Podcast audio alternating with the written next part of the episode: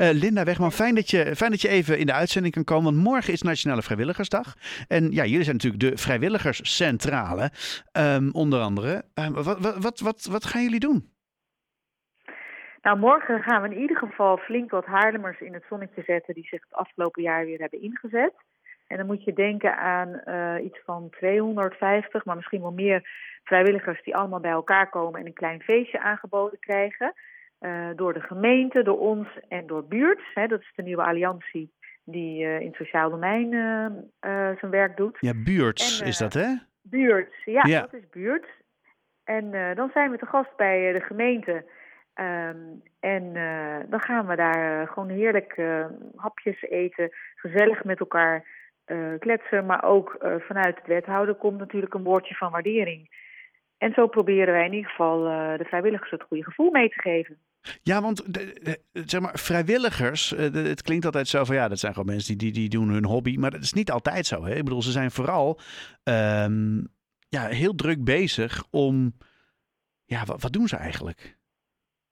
Nou, je hebt heel veel soorten vrijwilligers en een heel deel is eigenlijk ook niet echt vrijwillig. Hè. Als je het hebt over mantelzorgers, er zijn genoeg mensen nu die uh, thuis voor hun naasten zorgen uh, of in de familie. En dat is eigenlijk een soort van ja, ook vrijwillige inzet. Um, en, en, daar kunnen we ook niet zonder. Hè. Dat, nee. Daarmee is de zorg ook ontlast. Ja. En je hebt heel veel mensen, nou zeker in Haarlem ook. Vroeger was dat meer dan de helft die zich inzetten voor een ander. En nu zie je dat dat wat terugloopt. Uh, loopt. maar dat kan ja, van alles zijn, van bestuurswerk of in de zorg. Um, als activiteitenbegeleider. Je kan van alles doen. Je kan, nou ja, zoals bij jullie, radio mm. maken. Het is uh, heel divers. Waarom wordt iemand vrijwilliger? Ja, mensen hebben hele verschillende motieven. Het kan zijn omdat je net in Haarlem bent komen wonen bijvoorbeeld. En je, je zoekt uh, uh, iets leuks, zinvols om te doen. En je wil nieuwe mensen leren kennen. Of je wil een switch maken in je carrière. En je wil eerst eens kijken of het je bevalt. Dus dan ga je eens voorzichtig kijken bij uh, organisaties die in die hoek zitten. Om te zien of dat wat voor je is.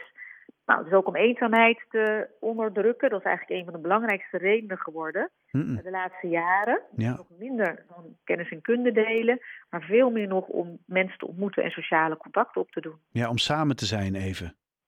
Ja. Ja. Ja, want is het, is het nog ingewikkeld om aan vrijwilligers te komen, vroeg ik me af. Want het is een hele tijd geweest dat, dat hè, iedereen zat echt te springen om vrijwilligers.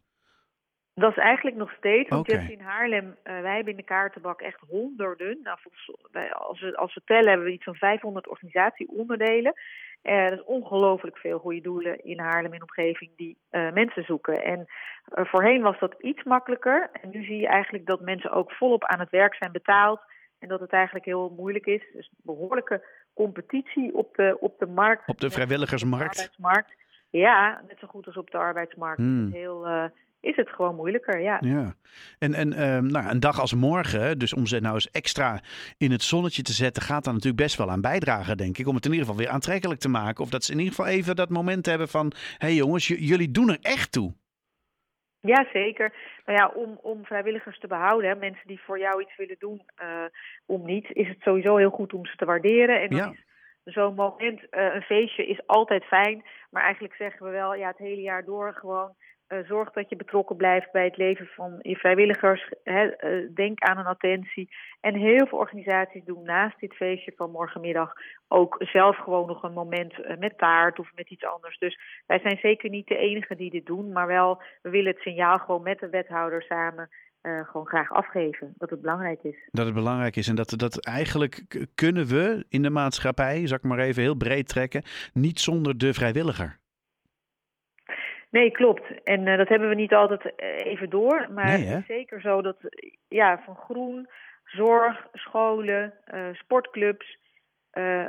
nou, eigenlijk in de hele breedte, precies zoals je het zegt, kunnen we inmiddels echt niet, niet meer zonder vrijwilligers. Nee, precies. En um, nou ja, de laatste vraag is: kijk, jullie zijn natuurlijk een vrijwilligersorganisatie, hè? samen met nou ja, ja buur, buur, hè, wat ja. zei je? Ja, wij zijn zelf. Ja, jullie zelf natuurlijk ook, inderdaad. Ja. Dus uh, uh, ja, de, de, hoe, hoe lukt het jullie toch om in die moeilijke tijd um, van het werven van vrijwilligers en het om, om zeg maar de organisatie draaiende, of de organisaties draaiende te houden?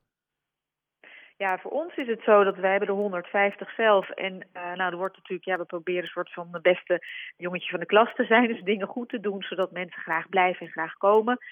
En eigenlijk voor die honderden andere organisaties hebben we online uh, een platform. En dat maakt zo'n bijna 10.000 matches per jaar. Dus dat is behoorlijk succesvol. En Ja. ook voor kwetsbare mensen proberen we er- te zijn. Samen met Roods hebben we een eh, mogelijkheid dat je gewoon langs kan komen voor een eh, gesprek. Hmm. Maar we doen ook bijvoorbeeld met bedrijven nu steeds meer. Die stappen ook in, omdat we zien dat bewoners dat niet allemaal kunnen oplossen. Al het werk wat er nodig is. Nee.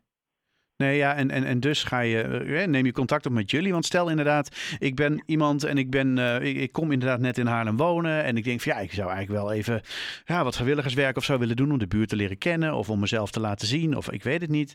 Of om iets te ontdekken. Eh, hoe, hoe pak ik dat aan dan? Nou, je kan sowieso eh, twee middagen in de week, dinsdag en donderdag, bij ons gewoon langskomen. Maar goed, dat is op de Raaks in het centrum. Mhm. Eh, wat je ook kan doen is in, eh, bij de huizen van de wijk, van buurt. Eh, daar kan je ook binnenlopen om eens te vragen van... hebben jullie het een en ander te doen puur in de wijk, dicht bij huis? En je kan ook altijd gewoon op de site bij ons kijken, vwcbuf.nl. nou, dan zie je zoveel voorbeelden van leuke... Ja, ik geloof wel 400 vacatures of zo. Er is zoveel te Oh, doen. wauw. Voor elk wat Het wils. gaat altijd wel lukken. Ja, het gaat altijd wel lukken om iets moois te vinden. En ook elk moment in je leven zou je wel kunnen instappen om dit te gaan doen.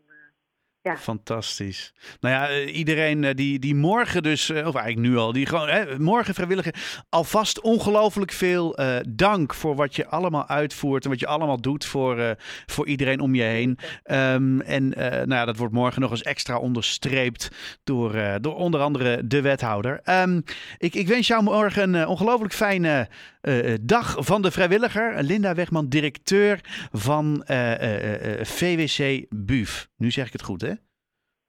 je zegt het zeker goed. Eh, En misschien nog goed om even te vermelden dat 13 december houden we hetzelfde feestje met de wethouder Sociale Zaken in Bloemendaal. Dus Oh, kijk daar eens aan. heel veel organisaties voor uitgenodigd. Ja, Kijk, dus dan is de hele regio weer vertegenwoordigd. Dankjewel Linda en eh, ongelooflijk veel succes. Oké, fijne avond.